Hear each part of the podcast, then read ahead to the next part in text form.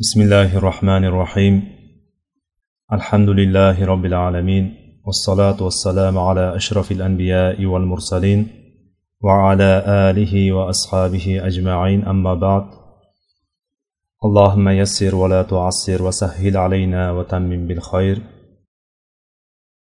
رب اشرح لي صدري ويسر لي أمري واحلل عقدة من لساني يفقه قولي اللهم علمنا ما ينفعنا وانفعنا بما علمتنا وزدنا علما يا عليم assalomu alaykum va rahmatullohi va barakatuh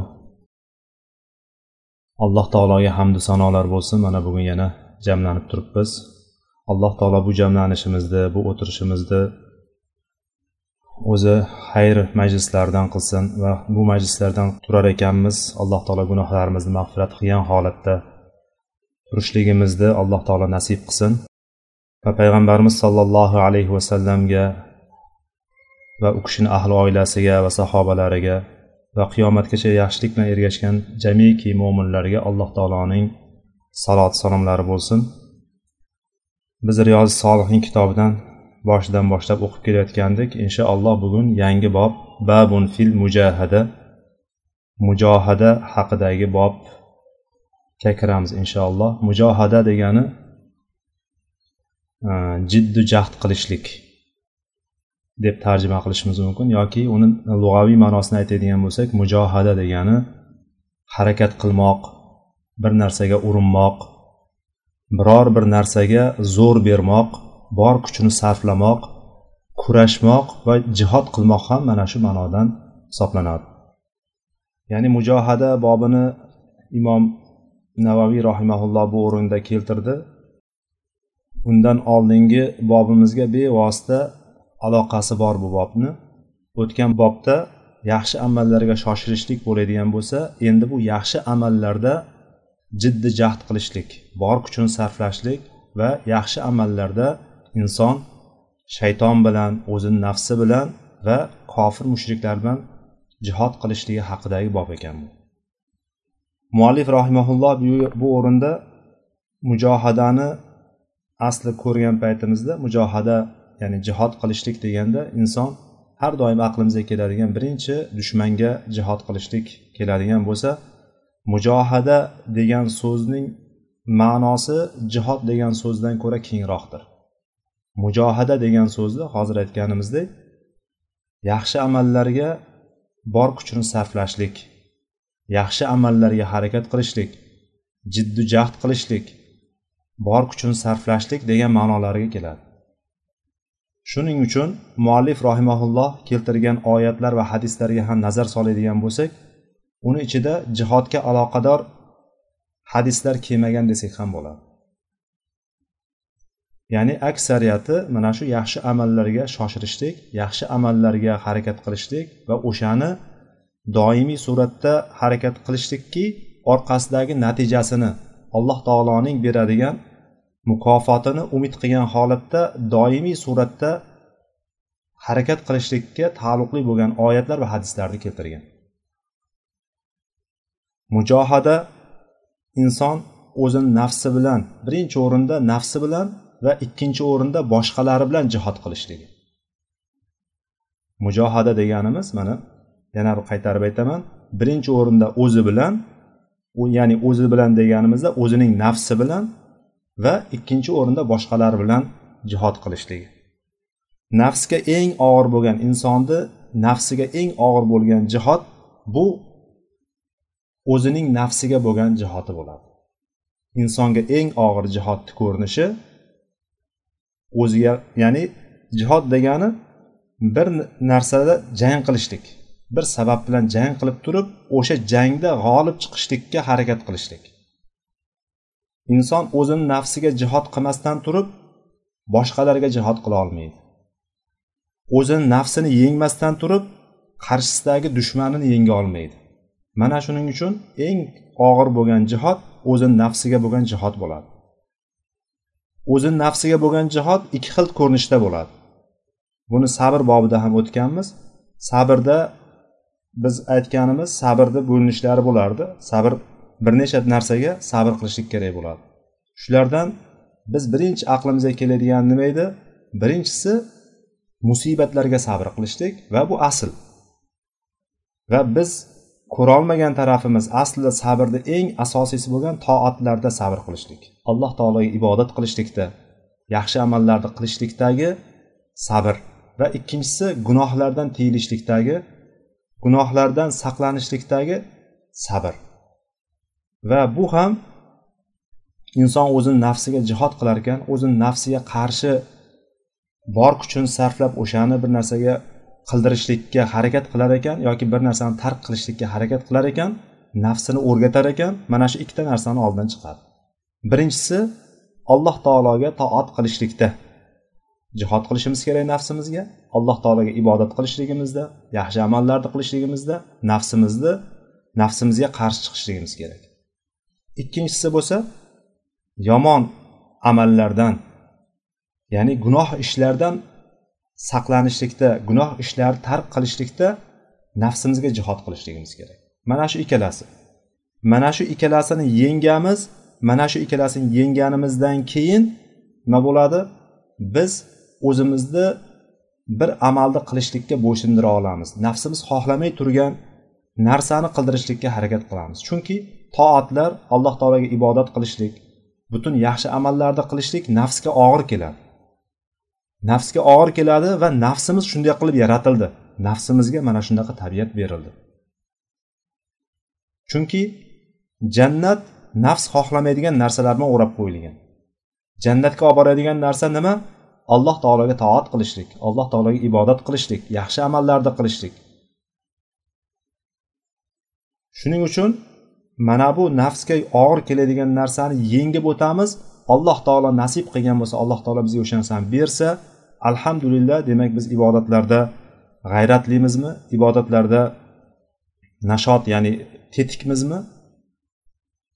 Ibodatlarda biz xotirjam qiynalmasdan rohat bilan qilyapmizmi? Alloh taologa shukur qilaylik. Alloh taologa hamd aytaylikki bu narsani bergani uchun.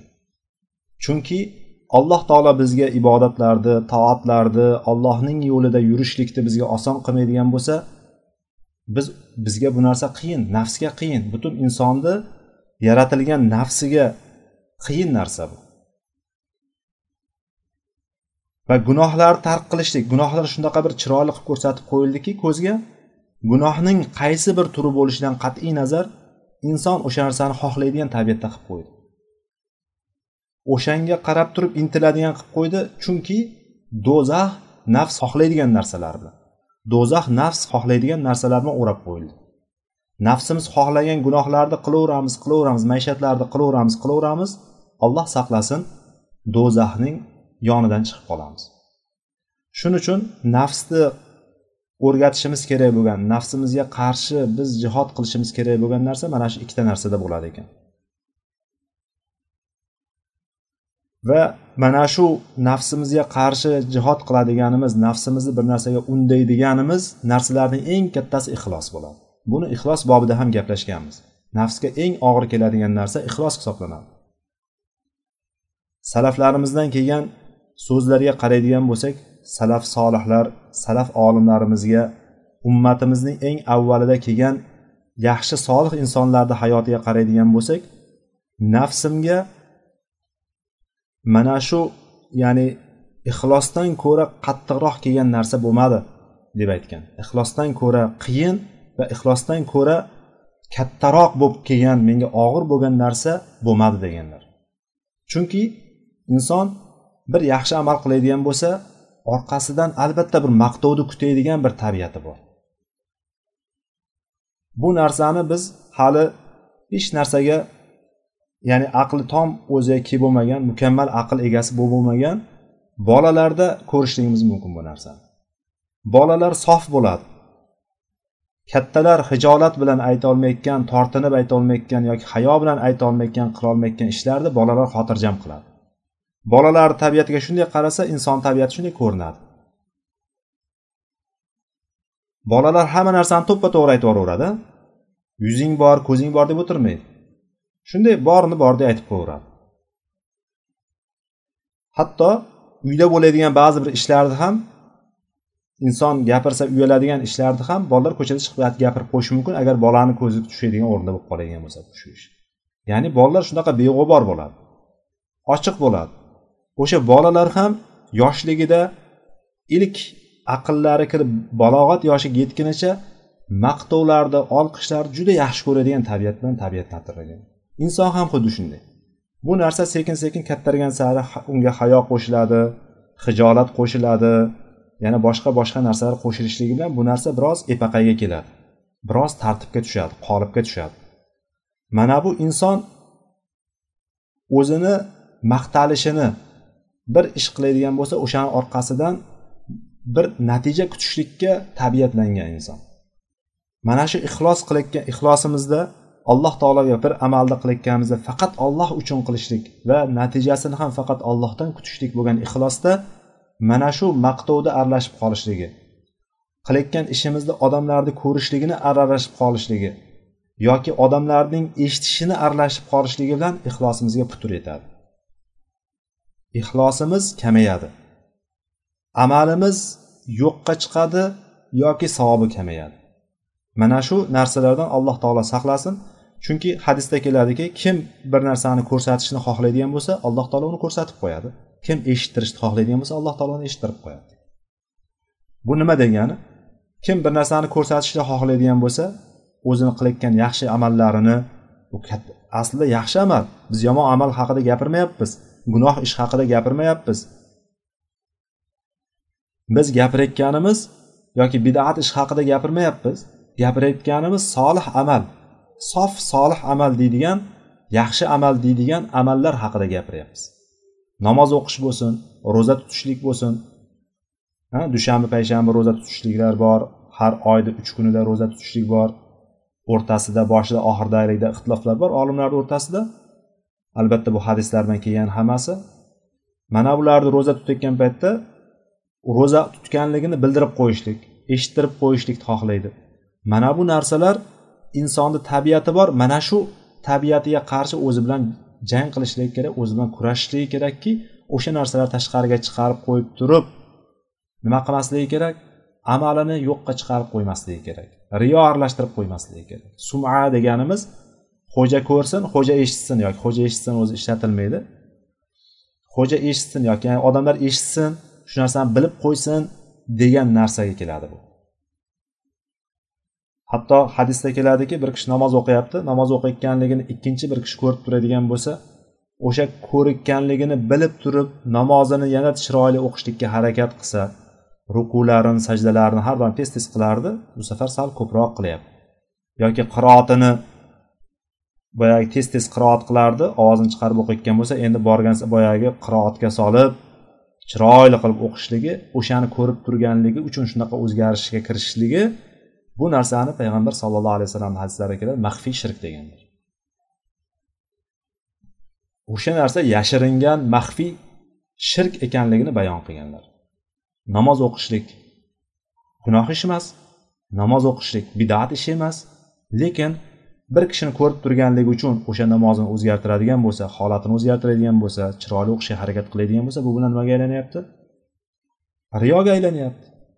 Riyo bo'ladigan bo'lsa kichkina shirk deganlar payg'ambar sallallohu alayhi vasallam. Sizlardan eng qo'rqqan narsalarimdan bittasi eng qo'rqqanim kichik shirkdir deganlar payg'ambarimiz sallallohu alayhi vasallam. Kichik shirk nima deganda? Riyo deganlar. Alloh taolo bizni mana shu amallarimizda qilayotgan ibodatlarimizda riyo va suma ajr aralashib qolishlikdan allohni o'zi saqlasin. Xullas eng og'ir keladigan narsalardan bittasi nima ekan? Ibodatda toatda ixlos bo'ladi ekan. Undan keyin ro'za tutishlikda ham qiyinchilik bor namoz o'qishlikda ham qiyinchilik bor hammasini o'ziga yarasha qiyinchilik taraflari bor. Bu insonni alloh taolo yaxshi alloh taolo oson qilib qo'ygan kishilarga oson lekin qolganlarga qiyin. Misol ro'za tutishlik osonmi? Mayli hozir qishni kunidamiz. Qishni kunida kunlar qisqa bo'lgan taqdirida ham biz kunlik yeb ichishimizni tark qilib sahar paytida uyg'onib kunduzi yeyish ichishni tark qilib kechga tomon quyosh botgunigacha bo'lgan oraliqda yurishligimiz qisqa kunlarda ham biz nafsimizga og'ir keladi. Agarchi bu qisqa kun bo'ladigan bo'lsa. Unda ochlikni ko'p his qilmaymiz chanqoqlikni ko'p his qilmaymiz ha? Mana shular bo'lishiga qaramasdan turib biz nima qilamiz? Bu narsa nafsimizga og'ir. Issiq to'shagimizdan chiqib turib saharlik qilishga erinamiz. Saharlik qilmaydigan bo'lsak charchab qolamiz kunduzi. Ishlarimiz bor ayollar uydagi yumushlari bor bolalari bor boshqasi bor. Nima bo'ladi? Charchaydi erinadi va shu bilan o'tkazib yuboraveramiz mo'minning bahori bo'lgan kunduzlari qisqa kechalari uzun bo'lgan. Kunduzlarda ro'za tutishga oson bo'lgan kechalari qiyomda turib namoz o'qishlikka oson bo'lgan soatlarni biz o'tkazib nima uchun? Chunki nafsimizga og'ir kelganligi uchun. Biz yaxshi amalga harakat qilishligimiz kerakmikan? Kerak ekan buning uchun nima kerak ekan? Toatga nafsimizga jihod qilishligimiz kerak ekan nafsimiz bilan kurashishimiz kerak ekan. Nafsimizni biroz dimog'ini pastga tushirishligimiz kerak ekan. Masalan namoz kimga oson? Olloh oson qilganga oson. Lekin namoz o'qimay yurganlarga namoz o'qi deydigan bo'lsangiz u yelkasiga xuddi tog' qo'yib qo'ygandek hisoblanadi. O'shanday his qiladi o'zini. Butun hamma narsani go'yoki uni tarki dunyoga chaqirayotganday tasavvur qiladi o'zini. Xuddi tarki dunyoga tushib qolayotgan inson qanday bo'lsa xuddi shunday tasavvur qiladi. Butun qavm qarindoshdan ajralib qolyapti u ko'cha ko'ydan ajralib qolyapti borib turgan to'ylardan ajralib qolyapti.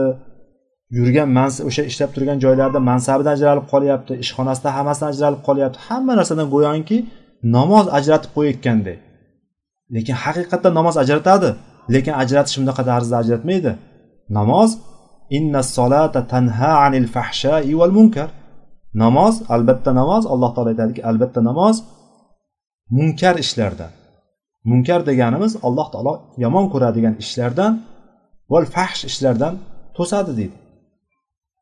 Inson qaranglar insonga hali namoz o'qimaydigan inson ham namoz o'qiydigan bo'lsa o'sha narsalarni tark qilishligi o'zini yolg'on gapirishiniyu odamlarni odamlarga xiyonat qilishniyu omonatlarga xiyonat qilishniyu ko'cha ko'yda boyagi har xil muzika qo'yilgan yoki ichkiliklar qo'yilgan joylarga aralashmasdan yurishligiyu erkak xotin aralashib yurmasligiyu hammasini o'shalardan ajratib qo'yishlik kerakligini o'zini ajralish kerak ekanligini bilib turadi. Bu bilgi qayerdan kelyapti? O'sha namozni bilmaydigan odam namoz o'qimay yurgan odam namozni asli mohiyatini tushunmaydigan odamga namozga chaqirsangiz mana shular uni qo'rqitadi. Inson ichidan bilib turadi o'sha narsani yaxshilik ekanligini. Va yomon ishlarni ham gunoh ishlarni ham bilib turadi o'shani gunoh ekanligini. Namoz o'qishlik og'ir illo faqatgina namoz o'qishlik oson qilingan alloh taolo nasib qilgan alloh taolo bunga muyassar qilib qo'ygan kishilargagina oson hisoblanadi. Namoz o'z vaqtida o'qishlik qiyin illo alloh taolo oson qilganlarga oson. Jamoat namozlari erkaklar uchun. Jamoat namozlariga borishlik. Imkoniyati bor yo'q emas. Imkoniyati bor lekin imkoniyatidan kelib chiqib turib masjidga bormaydi. Masjidga jamoat namoziga borishlik jumhur mazhabidan oladigan bo'lganimizda ham eng kamida sunnat. Sunnati muakkada ta'kidlangan sunnat. Ba'zi mazhablarni ko'radigan bo'lsak hadislarni ahli hadisni fikriga qaraydigan bo'lsak hadislarni dalolatiga qaraydigan bo'lsak farz namozlariga jamoatga borishlik farz hisoblanadi vojib hisoblanadi. E, mayli yengilroq mazhabni olaylik deydigan taqdirimizda ham yengilroq mazhabni dalillari menga ma'qul keldi o'sha deydigan taqdirimizda ham sunnati muakkada ta'kidlangan sunnat. Bu degani vojibga yaqin narsa degani. Namozdan keyin o'tirib el qatori hamma o'tirib tasbeh aytmasdan chiqib ketayotganlarni malomat qilishadi. Lekin jamoat namoziga kelishlikka bunaqa e'tibor qaratmaydi. Arzimagan bir narsalarni asli u bidat bidat ko'rinishida asli yuzaga kelgan asli sunnat lekin uni jamoat bilan birga qilishlik yoki hammasi birga bir joyga to'planib qilishlik ba'zi narsalar bidat bo'lgan narsalar ustida qattiq turishadi. Lekin asli sunnat bo'lib ham sunnati muakkada ba'zi mazhablarni fikriga ko'radigan bo'lsa farz bo'lgan jamoat namozlariga e'tibor berishmaydi. Shayton mana shu taraflardan keladi. Shayton nafsga vahiy qilib turadi vahiy deganimiz vasvas qilib turadi. Shaytonni vahiysi vasvasa bo'ladi. Shayton tinimsiz vasvasa qilib turadi. Nafsga bu ham yoqadi. Sahobalar jamoat namoziga kelmaganlarni nifoq o'rnida ko'rishgan munofiq deb sanashgan. Jamoat namoziga kelmaslikdi. Chunki ularda farz namozlari hech ham uyda o'qilishmay o'qilinmagan. Endi ayollar ayollarniki boshqacharoq.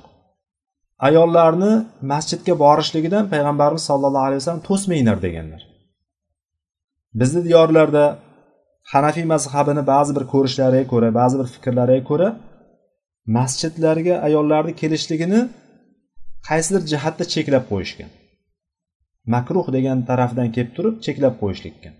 O'sha yerda e, keyingi davrlarda fitnalarni ko'payib ketishligini oldini olishlik maqsadini kelib chiqqan holatda mazhabga ko'ra uni cheklangan. Lekin aslida ayollarning masjidga borishligi bu sunnat amal. Erkaklarga vojib bo'ladigan bo'lsa ayollarga sunnatligicha qoladi. Ayollar bormasdan uyda o'qiydigan bo'lsa hech narsa qilmaydi. Bo'ladi o'qishligi lekin masjidga borib turib jamoatni savobini topaman deydigan ayol bo'ladigan bo'lsa agar masjidlar o'shanga bemalollik bo'ladigan bo'lsa e, ayollarga ham alohida joylar qilib qo'yib turib ayollar ham masjidga chiqishligi o'sha mintaqada mumkin bo'ladigan bo'lsa ayollar ham masjidga chiqib turib masjid jamoatni savobini olishligi mumkin.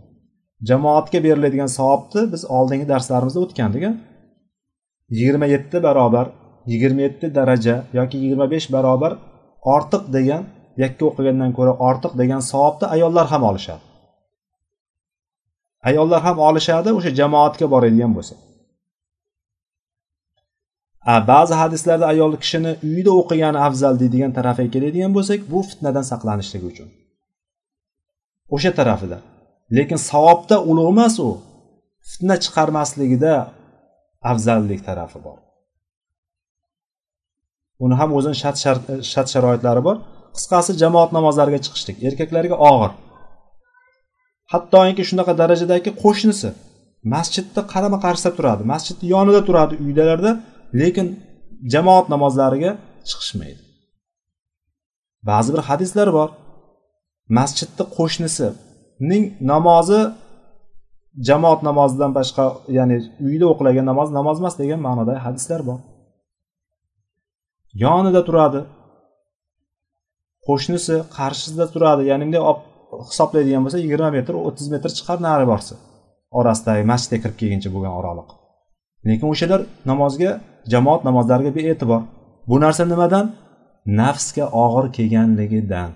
Boshqa narsadan emas. Nafsga og'ir kelyaptimikan? Demak nafsimizga qarshi kurashishimiz kerak.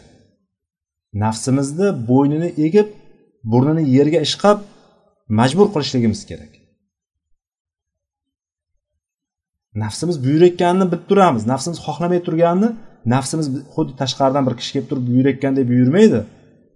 Ichimizdan bir narsa kelib turadi. Shuni qilsammikan qilmasammikan shuni qilmagin uyda o'qisang ham bo'ladiku namozni degan yo bo'lmasa mana shuni qilmasang ham bo'ladiku bunday qilsang bo'ladiku degan ichimizdan kelayotgan narsa bu nafsimiz bo'ladi.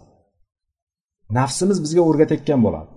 O'sha payt agar qarshimizda turgan qilmoqchi bo'lib turgan ishimiz solih amal yaxshi amal bo'ladigan bo'lsa nafsimizga qarshi o'sha payt kurashishimiz kerak nafsimizni burnini yerga ishqashimiz kerakda bu amalni qilishligimiz kerak.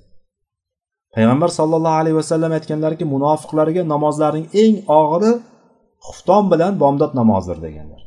Namozni ichida butun namozlar o'zi og'ir munofiqlarga og'ir lekin o'zlarini tashqi ko'rinishda musulmon qilib ko'rsatib yurganlari yurganlari uchun ulardan ajralib qolmasligi uchun ularga qarshi odamlar qo'lini bigiz qilib ko'rsatmasligi uchun yoki ularga qarshi bular musulmon emas ekan deb turib musulmonga musulmon bo'lmaganlarga qilinadigan muomalani ko'rmasliklari uchun ular tilida islomni zohir qilib turishadi. Biz musulmonmiz deb turadi. Alhamdulillah qalbimda bor deb turadi hozirgi kunimizdagilarni aytyapman qalbimda bor deydi lekin hech qanaqa amali yo'q. Lekin u kunda payg'ambar sollallohu alayhi vasallam kunlaridagi munofiqlarni holati shunaqa bo'lganki ular musulmonman deb turib namozga ham kelishgan lekin qalblari kofir bo'lishgan ularni qalblari kofir bo'lgan o'shalar. Qalblari kofir bo'lgan payg'ambar sollallohu alayhi vasallam ularni kim ekanligini boshliqlari kim ekanligini sanoqlari kim ekanligini hammasini bilganlar. Lekin biz payg'ambar sollallohu alayhi vasallamni sunnatlari u kishini olib kelgan yo'llariga qaraydigan bo'lsak munofiqlarni qalblarini alloh taologa topshirib qo'ygan. Ularni tashqi ko'rinishlariga qarab turib payg'ambarimiz o'shalarga muomala qilganlar. Musulmon muomalasini qilganlar. Janglar bo'ladigan bo'lsa janglarda ishtirok etgan bo'lsa g'animatlardan o'ljalardan bo'lib bergan o'shalarga yoki qiynalib qolgani kelsa baytul moldan mol berishgan o'shalarga tirikchiligiga mol berishgan mulk berishgan pul berishgan. O'lsa janozasini o'qib turib ko'mishgan qabristonga. Musulmonlarni qabristonga ko'mishgan to'g'ri payg'ambar sallallohu alayhi vasallam o'zlari o'qimagan o'qimaganligi aniq kofirlarga chunki munofiqlarga payg'ambar sallallohu alayhi vasallam namoz o'qimaganlar. Namoz o'qiganligi bir safar keladi ana o'shanda alloh taolo oyat tushiradi. Ularga istig'for aytasizmi istig'for aytmaysizmi? Ularni alloh taolo poklamaydi ularni gunohlarini kechirmaydi siz ularga turmang deb keladi. Ana o'shandan keyin payg'ambar sallallohu alayhi vasallam bironta munofiqni janozasida ishtirok etmadilar. Xullas o'sha kundagi munofiqlar masjidlarga kelardiki musulmonlardan ajralib qolmasligi uchun musulmonlardan bo'linib qolmasligi uchun. Va o'sha namozlar og'ir bo'lardi. Agar ular namozga turadigan bo'lsa dangasalik bilan turadi deb oyatda keladi. Qomu kusala. Ular dangasalik bilan turishadi. Nafslari xohlamaganday turadi. U hamma namozga tegishli munofiqlardagi demak agar biz namozga turganimizda namoz o'qiyotganimizda yoki namoz o'qimoqchi bo'layotganimizda bizga dangasalik tutyaptimi? Erinchoqlik tutyaptimi? Bilaylikki qalbimizga nima tushyapti? Nifoq tushib qolyapti. Alloh saqlasin bundan o'sha payt biz qalbimizga o'zimizni nafsimizga qarshi nima qilishimiz kerak? Kurashishimiz kerakki ey sen mana shunaqa bo'lib qolishing ehtimoling bor ekan deb turib harakat qilishligimiz kerak.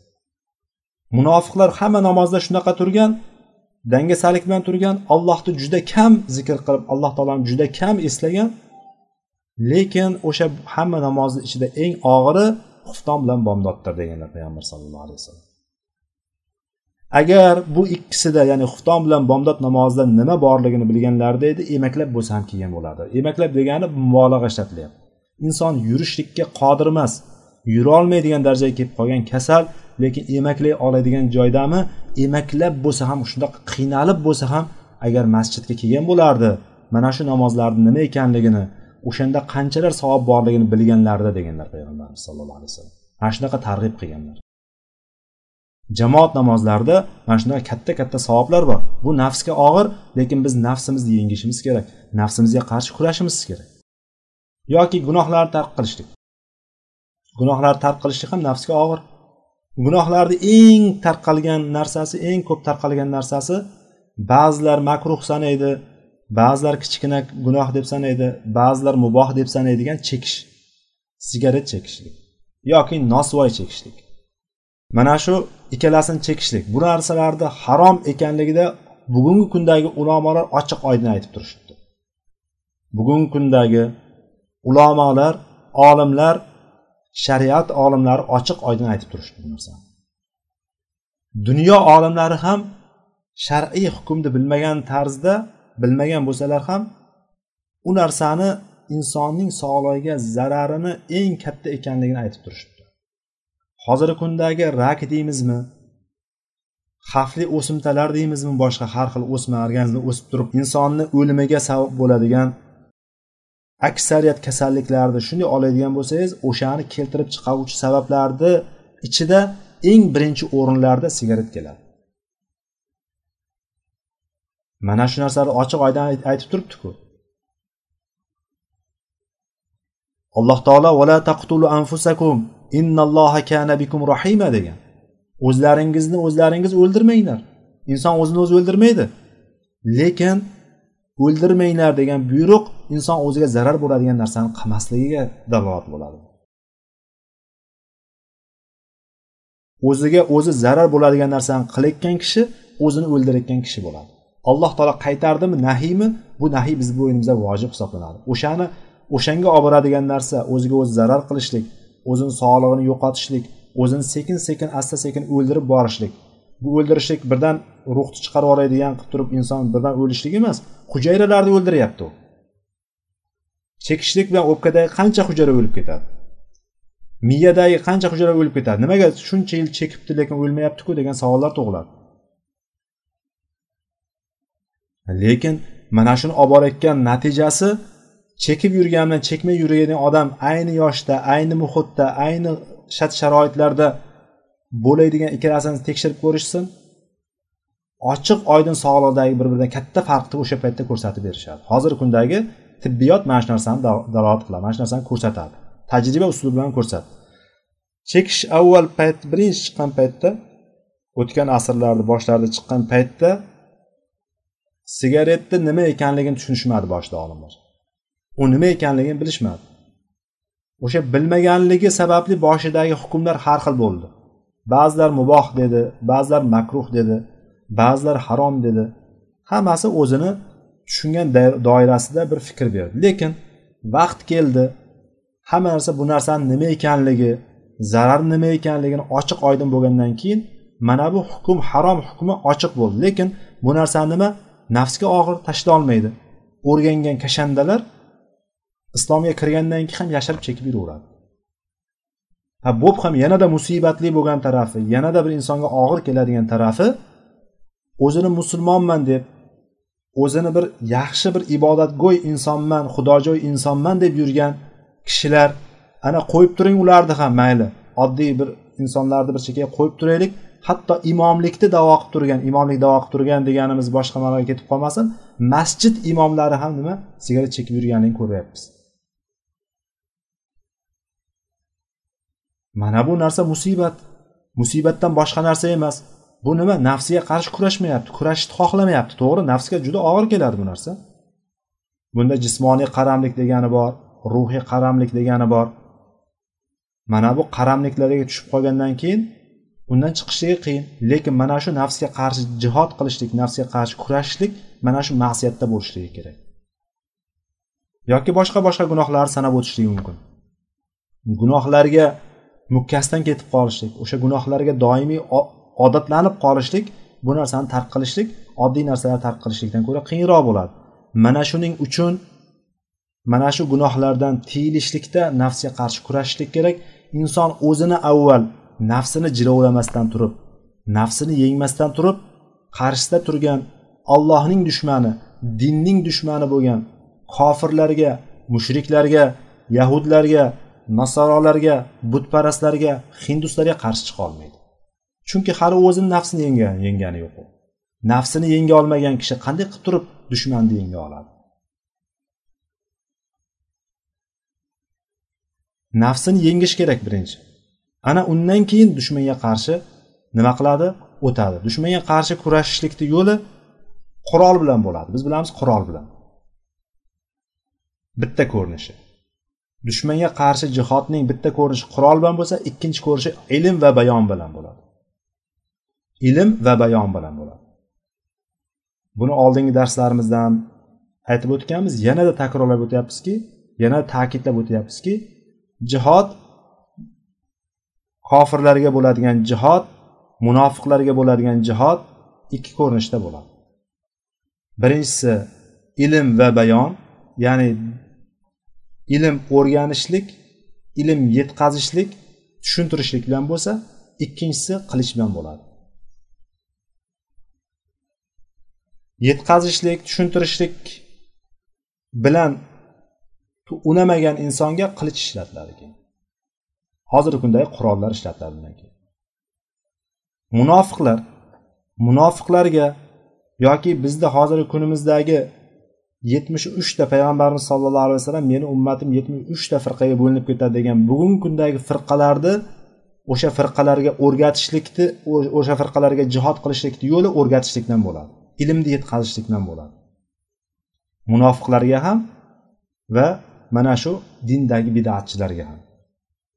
Ularga qilich ko'tarilmaydi ular o'ldirilmaydi olib kelib turib o'ldirib yuboravermaydi. Chunki hozir aytganimiz payg'ambarimiz sollallohu alayhi vasallam munofiqlarni sanog'ini bilardilar.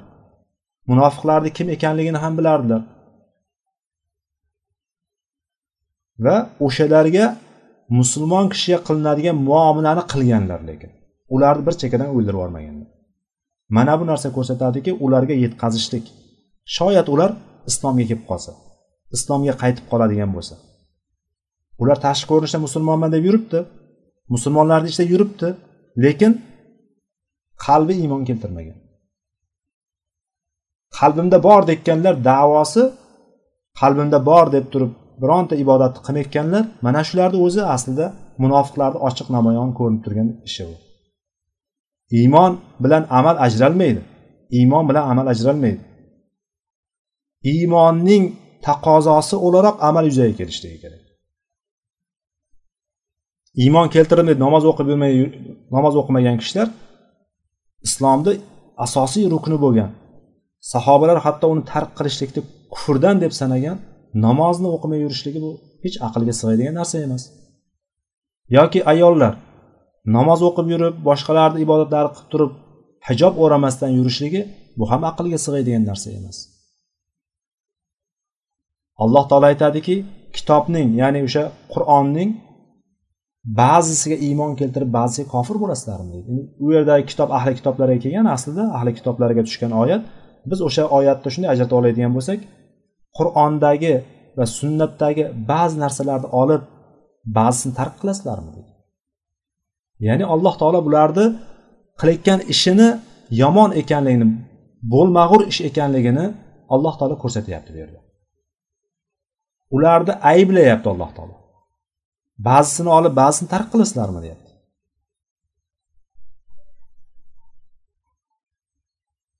Kim sizlardan shunday qiladigan bo'lsa shu hayotni o'zida bunga xorliq hayoti bor olloh oxiratda bo'ladigan bo'lsa unga alamli azob bor. Uni tom mukammal musulmon bo'lmaganligini ko'rsatyapti bu narsa. Endi qalbimda bor deb turib bironta amal qilmay yurganni qanday baholashimiz mumkin? Shuning uchun qalbimda bor deganlar o'zlariga savol berishsin. Ular ollohni va musulmonlarni iymon keltirganlarni aldaymiz demay qo'ya qolishsin. Ular ollohni va mo'minlarni aldamoqchi bo'ladilar lekin o'zlari bilmagan holatlarda o'zlarini o'zlari aldaydilar deb keladi. Munofiqlarni sifati bu. O'ziga o'zi savol bersin. Shular bugun o'shalar savol bersin o'ziga o'zi. Qani men shunday deyapman men musulmonman deyapman lekin musulmonchilik degani nima degani o'zi? Islom degani nima degani o'zi? Islom beshta narsani ustiga qurilgan degan. Islomni asosi bor beshta. O'sha beshta asosni ustiga quriladi islom. Men musulmonman deyapti lekin islomni asosi bo'lgan namoz ro'za zakot haj birinchi tashahhudni endi u musulmonman deb turganligimni e'tibor bilan aytmay ketdim men hozir. Mana shu beshta narsa bor. Musulmonman deyishlik bilan ho'p u tashahhudda aytayotgandir. Allohdan o'zga iloh yo'q deyotgandir. Muhammad uning rasulidir deyotgandir. Sollallohu alayhi vasallam. Endi mana shu beshalasini oladigan bo'lsak beshta asos bu rukun. Islom degan binoni asosi bu. Uni tepasi qayerda? U tepasini davo qilyapti hozir. Men binoman ya'ni musulmonman deyaptiyu lekin asosi yo'q unda. Uni qanday musulmon hisoblashligimiz mumkin? Lekin biz tashahhud bilan uni zohiriga qarab turib mayli musulmondir lekin fosiqdir deb aytamizu. Lekin uni qilayotgan ishi musulmonchilikdan biron bir narsa yo'q. Alloh taolo ularni hidoyatga boshlasin. O'zi hidoyatini bersin. Endi mana shularga biz ilm bilan va yetkazishlik bilan o'rgatishligimiz kerak. Yetkazishligimiz kerak o'shalarga. Yetkazishlik bizni bo'ynimizda. Demak hozirgi kundagi ummatning yoshlari musulmon yigitlar qizlar yoshlar nima ekan? Eng katta narsa ilmni mustahkam o'rganishlik vojib bizga ilmni mustahkam o'rganamizki birinchi atrofimizdagi mana shularni isloh qilamiz. Musulmonlarni qorasini ko'paytirib turayotgandek ko'rsatayotganlar bugungi kunda shuncha milliard musulmon bor. O'zbekiston musulmon qozog'iston musulmon tojikiston musulmon turkmaniston musulmon turkiya musulmon deb turgan shu musulmon davlatini ichida yuzda sakson ya'ni sakson foizdan ko'prog'i to'qson foizi musulmon deb turganlarni ichida saralaydigan bo'lsak qancha chiqadi deb o'ylaysiz? Ana o'sha aslida musulmonlarni safida bo'lib turib sanalib ketayotganlarga biz ozgina bir narsani o'rganishlikka harakat qilishligimiz o'rgangan narsamizni yetkazishlik bilan o'shalar haqiqiy musulmonga aylanishadi. O'sha narsaga harakat qilishligimiz kerak. Mana bu boshqalar bilan jihod qilishlikni ko'rinishi bo'ladi. Mana bu hozirgi o'tayotgan kitobimizdagi bobimizning asl ma'nosi mana shu bo'ladi. Birinchi o'zimiz nafsimizni o'ynaymiz o'zimiz nafsimizga qarshi kurashamiz va atrofdagilar bilan kurashamiz atrofdagilar bilan kurashishimiz islomga da'vat bilan bo'ladi. Islomga da'vat ilm va bayon bilan bo'ladi ekan. Ikkinchisi qurol bilan bo'ladi. Ekan qurol bilan chiqishlik kofirlarga bo'ladi. Kofirlarga bo'ladi. Ochiq kofir bo'lgan mushrik bo'lgan yahudlar nasorolar hinduslar deymiz yoki butparastlar mana shularga nima qilinadi? Qurol bilan ularga qarshi chiqilinadi. Xullas bu umumiy kirish yasadik. Bu bu bobga kirish yasadik. Mujohada bobiga mujohada haqidagi bobga kirish yasadik. Mujohada deganimiz yana eslatib o'taman boshida aytgan so'zlarimizda. Bir ishga harakat qilishlik ya'ni yaxshi bir ishni yaxshi bir amalni qilishlikka harakat qilishlik urinishlik o'sha narsaga zo'r berishlik bor kuchini sarflashlik va kurashishlik degan ma'nosiga keladi. Yaxshi amallarga jiddiy jahd qilish. Imom navaviy rahimaulloh bu o'rinda bir necha oyatlarni keltirdi vaqtimiz yetganicha inshaalloh shu oyatlarni qisqacha tanishib chiqamiz alloh taolo aytdiki auzu billahi minash shaytonir rojim والذين جاهدوا فينا لنهدينهم سبلنا وإن الله لمع المحسنين bu oyat ankabut surasini oltmish to'qqizinchi oyat ya'ni ankabut surasini eng oxirgi oyati alloh taolo shunday dedi bizning yo'limizda bu yerda yo'limiz kalimasi ham kelmayapti. Fina deyapti biz uchun deb kelyapti. Biz uchun ya'ni bizning yo'limizda bizni rozi qiladigan yo'lda mujohada jahada kalimasi kelyapti mana shu yerda. Jahada uni masdari mujohada. Hozirgi bobimizni nomi. Bizning yo'limizda jihod qiladigan bo'lsa ya'ni kurashadigan bo'lsa ana o'sha kurashadigan bizning yo'limizda jihod qilib kurashadigan zotlarni lanahdiyannahum subulana. Biz o'zimizning yo'llarimizga hidoyat qilamiz deyapti.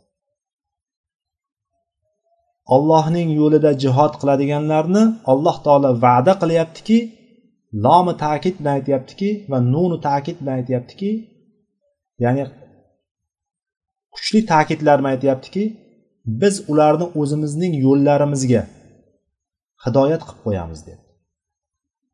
Va innalloha lama'al muhsinin. Albatta olloh muhsin bandalar bilan yaxshi amallarni qiluvchi bandalar bilan birgadir deyapti.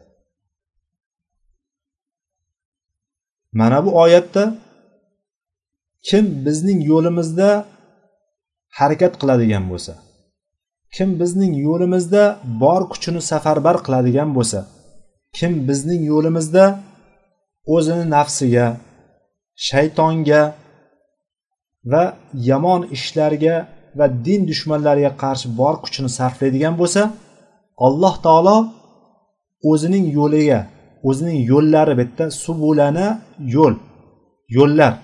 Sabil yo'l bo'lsa subul ko'pligi bo'ladi yo'llar. Yo'llariga o'zimizning yo'llarimizga hidoyat qilib qo'yamiz deydi. Ibn kasir rahimaulloh bu oyat tafsirida subulanani dunyoyu oxiratdagi yaxshilik yo'llariga dunyodagi yaxshilik yo'llar oxiratdagi jannatga alloh taolo olib boradigan yo'lni nima qilib qo'yar ekan? O'zi yo'llab qo'yadi ekan.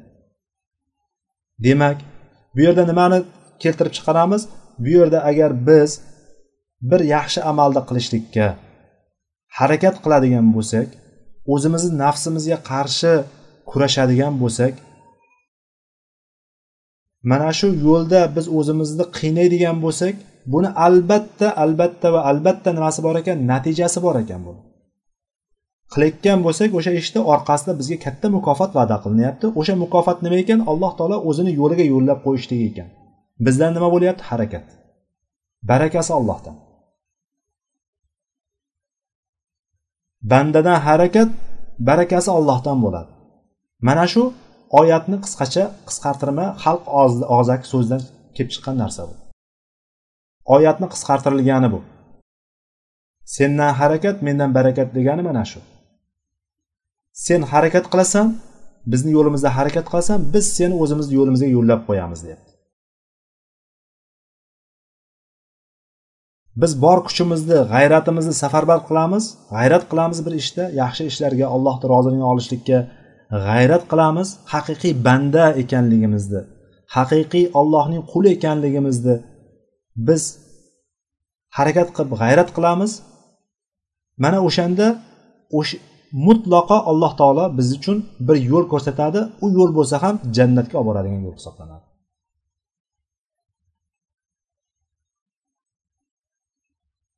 Demak bizdan harakat ekan. Harakat qilishlik va alloh taolo aytyaptiki innalloha lamaal muhsinin. Alloh taolo albatta muhsin bandalar bilan birgadir alloh taoloni o'zining maiyatini o'zining yordamini o'zini birga bo'lishligini kimlar bilan aytdi? Muhsin bandalar bilan. Muhsin bandalarni biz oldingi darslarimizda qisqacha aytib o'tgandik. Muhsin banda hamma ishini go'zal suratda qiladigan hamma ishini mukammal suratda qiladigan kishi va diniy tarafdan qaraydigan bo'lsak shar'iy jihatdan qaraydigan bo'lsak hamma ishini alloh taolo ko'rib turganidek qilishlik. Hadisda an tabudalloha kaannaka tarohu fa in lam takun tarohu fa innahu yarok deganlar. Sen ollohni ko'rib turganingdek ibodat qilishliging ollohni ko'rib turgandek ish qilasiz. Qarshingizda olloh turibdi. Tasavvur qiling olloh turibdi. Bir ishni qilayotganingizda ollohni ko'rib ollohni ko'rib turgandek qilishligingiz qanday bir sizga o'sha ishni mukammal qilishlikka hech bir ayb nuqsonga yo'l qo'ymaslikka harakat qiladi inson. Yonida bir kattaroq bir kishi turadigan bo'lsa ustozi tursin yoki ota onasi tursin yoki boshqa juda hurmat qiladigan katta bir inson turadigan bo'lsa o'shani yonidan bir ish buyursa o'shani yonida ish qilayotganda inson qancha hayajonga tushadi? Ota onasidan hayajonga tushmasligi mumkin chunki yoshligidan ko'rib kelyapti hayajonga tushmasligi mumkin. Lekin katta bir ustoz kishi katta bir olim bir kishini yonida yoki katta bir mansabdor kishini yonida va siz bo'lib ham o'sha kishini juda yaxshi ko'radigan inson sizga bir ishni buyursa va tepasiz tepangizda tursa sizni siz o'shani ko'rib turibsiz. O'sha ishni qanday qilasiz? Qilayotgan paytingizda o'zingizda yo'q qilasiz o'shani. Qanday qilganingizni qanday qilayotganligingizni hatto bir o'zingiz ham tasavvur qilolmaydigan darajada hayajon bilan qilasiz. Muhsinlik degani mana shu hisoblanadi. Allohni ko'rib turgandek ibodat qilishlik. Hamma ibodatimiz shunday bo'lishligi kerak. Bu islomdagi martabalarni eng yuqorisi bu. Iymondan ham tepada turadigan iymon mo'minlikdan ham tepada turadigan narsa muhsinlik hisoblanadi va alloh taoloni maiyati birgaligi mana shu muhsin bandalar bilan birga bo'ladi. Yoki biz ollohni ko'rib turgandek qilolmasligimiz qilolmaydigan bo'lsak ibodatda bir ishimizni mana bu holatda olloh meni ko'rib turibdiku degan e'tiqod bilan degan tushuncha bilan degan bir shu hissiyot bilan qilishligimiz ishda chunki alloh taolo bizni albatta ko'rib turadi. Biz muroqaba haqidagi alloh taoloni doimiy kuzatib turuvchiligi haqidagi yuqoridagi o'tgan boblarda biz bu bilan tanishganmiz. Mana shunday bandalarga alloh taoloni nimasi bor ekan? Alloh taoloni birgaligi bor ekan. Ibn kasir rahimaulloh asarda kelgan bir rivoyatda e, keltiradiki shu iso alayhissalomni so'zlarini keltiradi.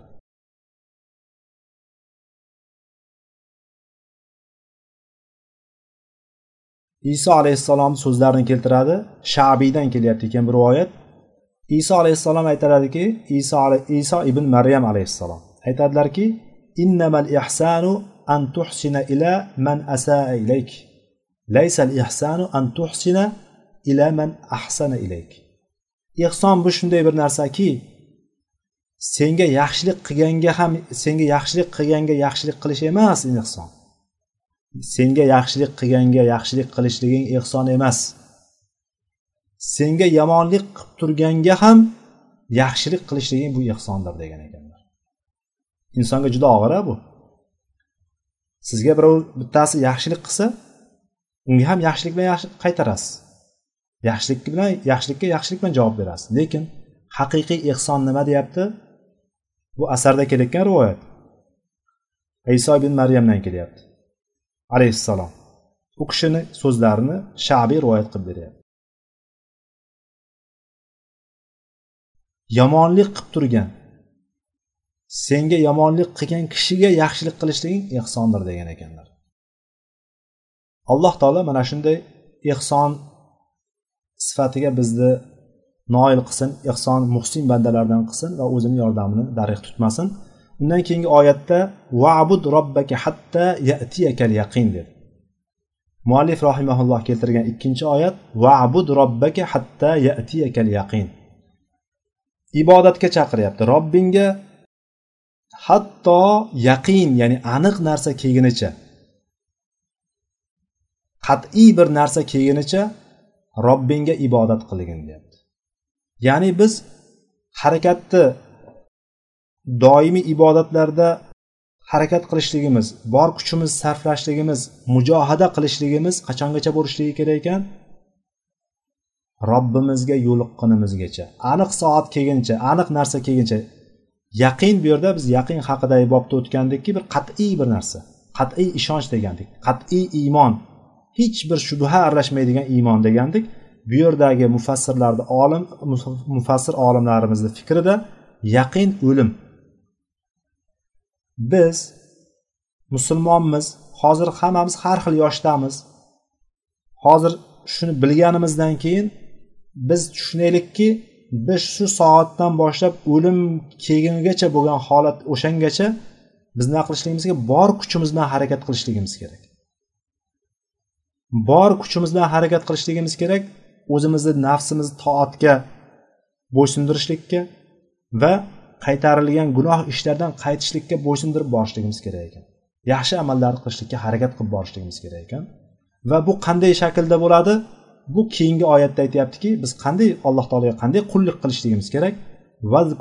Robbika va tabattal ilayhi tabtila. Robbingning nomini doim zikr qilib yur robbingning ismini zikr qil degani robbimizni doimiy yodimizda saqlashligimiz kerak. Doimiy eslab yurishimiz kerak. Alloh taoloni doimiy ko'rib turganligi doimiy eshitib turganligi bizni qalbimizda nimalar kechinmalar qanday kechinmalar kechayotganligini bilib turganligini bilib turishligimiz va tilimiz zikr bilan namlanib turishligi ikkinchi ko'rinishi. Alloh taoloni zikr ko'p zikr qilishligimiz. Tilimiz zikr qilaveradi qilaveradi hattoki o'sha zikr qalbimizga tushadi. To'g'ri boshida inson zikr qilayotganimizni nima deyotganligimizni bilmasligimiz yo hayollar bilan qilishligimiz bu tabiiy holat bo'lishligi mumkin insonda. Lekin o'sha narsani biz shunchalik ko'p qilaverishligimiz kerakki hatto qilayotgan mana shu zikrlarimiz sekin sekin sekin xalqimizdan xalqimizdan pastga oxiri qalbimizga tushadi. Qalbimizga tushganda ana o'shanda uni lazzatini uni mazasini sezib boshlaymiz. Salaf olimlarimizdan keladi salaflarimizdan salaf solihlarimizdan keladiki zikr qilib yurgan ertalabki tonggi zikrlarni qilib yurgan kishi bitta zikrni qilib qo'ymagandan qilmasdan o'shani qaysidir sababdan esdan chiqargandan keyin o'sha kuni o'sha zikrni sababi bo'lgan o'sha zikrni sababidan alloh taolo unga himoya berib turgan saqlab turgan narsani unga bir balo yetganligini musibat yetganligini zikr qilishgan. Ular nima bilan qilgan? Qalbi bilan qilishgan. Til uchi bilan qilishmagan bizga o'xshab. Lekin shunday bo'lsa ham biz harakat qilaveraylikki allohni zikr qilishlikka doimiy suratda mudom davom etaveraylikki hatto u qalbimizga tushsin. Qalbimizga tushadigan bo'lsak o'shani lazzatini sezamiz. Va o'shani lazzatini his qilgan paytimizda o'shani savobini mukammal tarzda olamiz. Va tabattal ilayhi tabtila va unga butunlay berilib tabattal ilayhi tabtila ya'ni unga butunlay berilgin deyapti. Chin ixlos bilan bandalik qilgin qullik qilgin deyapti. Demak biz alloh taologa yo'liqqungacha qanday holatda bo'lishligimiz kerak ekan. Mana bu oyat ikkala oyatni jamlaydigan bo'lsak allohga yo'liqqanimizcha doimiy allohni zikr qilishligimiz va butun borlig'imizni berishlikka chin ixlos bilan ibodatlarni qilishlikka harakat qilishligimiz kerak ekan. Endi mana shu narsalarni qildik. Shuncha narsa qilyapmiz. Bu narsa shunday qoladimi? Yo'q shunday qolmaydi. Muallif rahimalloh keyingi oyat bilan bunga dalolat qildi.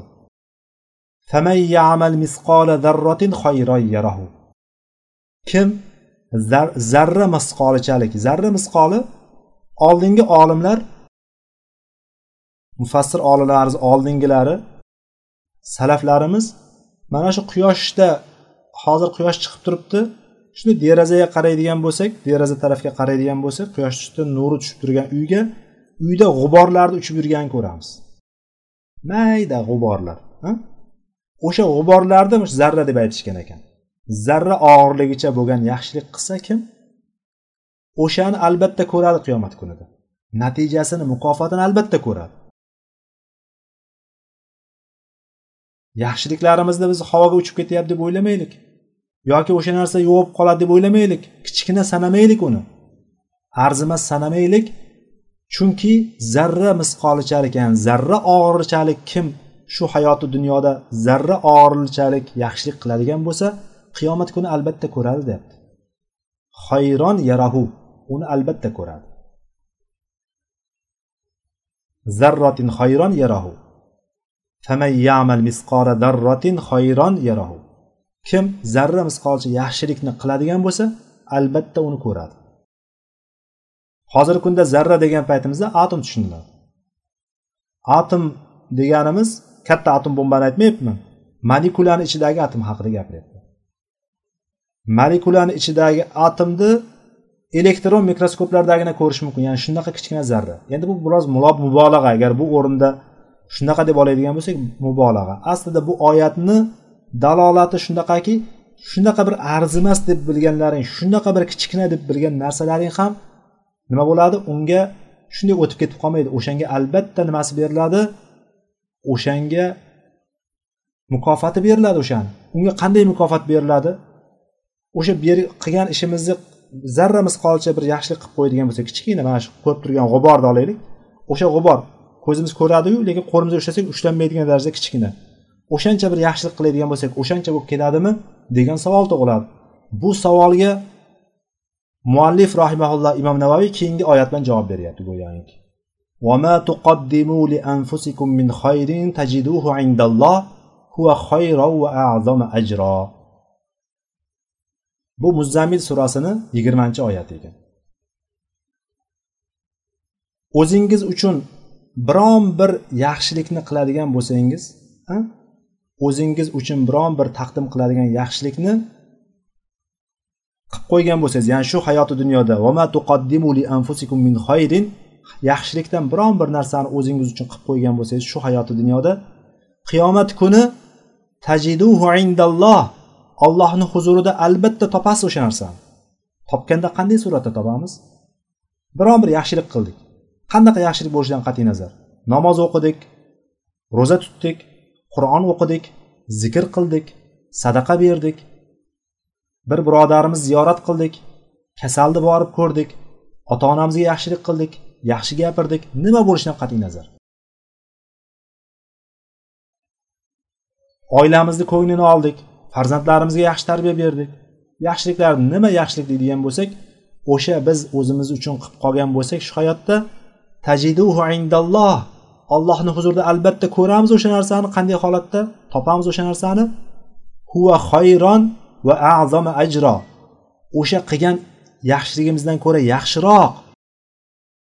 Va ajri ulug'roq bo'lgan holat topamiz. Qaranglar alloh taolo beradigani xuddi o'shanchalik berib qo'ymaydi. Qancha yaxshilik qiladigan zarra bo'lsa zarrachalik emas yoki katta bir yuz so'm beradigan bo'lsak alloh uchun yuz so'm sadaqa qiladigan bo'lsak o'sha yuz so'm bilan emas yoki ikki rakat namoz o'qiydigan bo'lsa ikki rakat namoz bilan emas.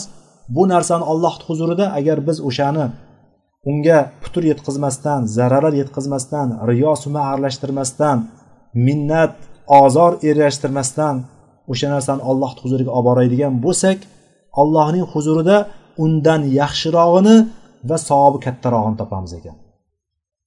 Allohning marhamati bu bizga. Bu narsa nimaga dalolat qilyapti? Biz qattiqroq harakat qilishligimiz shu yo'lda qattiqroq kirishishligimiz yaxshi amallarga ko'proq mujohada qilishligimiz o'zimizni ko'proq undashligimiz nafsimizdan kurashishligimizga dalolat qiladi. va bu narsa qanday o'sha narsa allohni huzurida topamiz bu narsa qat'iy qat'iy ekanligi ekanligini muallif rahimaulloh mana bu bobdagi oxirgi oyat bilan bayon qilyaptiki وما تنفقوا من خير فإن الله به عليم sizlar qanaqangi bir yaxshilik qiladigan qanday bir yaxshilik qiladigan bo'lsalaringiz albatta fa kelyapti orqasidan uni natijasi kelyapti Bas albatta alloh uni bilib turadi. Sizlar qilayotgan ishlaringni olloh ko'rmay qoladi bilmay qoladi deb o'ylamanglarda amallarni qilaveringlar. Mana shu amallarni qilaverishligimiz natijasida biz inshaalloh u yuqoridagi oyat bilan aytadigan bo'lsak allohga yo'liqqungacha qilaveramiz va eng birinchi oyatga qaytadigan bo'lsak bu amallarda biz o'zimiz harakat qilib g'ayrat qilayotgan bo'lsak alloh taolo o'zini yo'llariga yo'llab qo'yaveradi.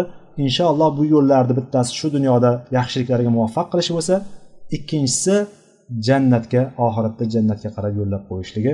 Alloh subhana taolo bizni mana shu amallarda mustahkam bo'lishligimizni qalblarimizni isloh qilishligini va amallarimizni isloh qilishligini va bilganlarimizga amal qilishligimizni alloh taolo o'zi nasib qilsin. Va muallif rahimalloh aytyaptiki val ayatu fil bab kasiratun ma'lumatun deyapti. Bu bobdagi ya'ni mujohada haqidagi oyatlar ko'p va hammaga ma'lumdir deyapti men shu bilan kifoyalanaman deb turib keyingi hadislarga o'tyapti inshaalloh bu bobga tegishli bo'lgan hadislarni keyingi darsimizda davom ettiramiz vallohu alam سبحانك اللهم وبحمدك أشهد أن لا إله إلا أنت أستغفرك وأتوب إليك وآخر دعوانا أن الحمد لله رب العالمين والسلام عليكم ورحمة الله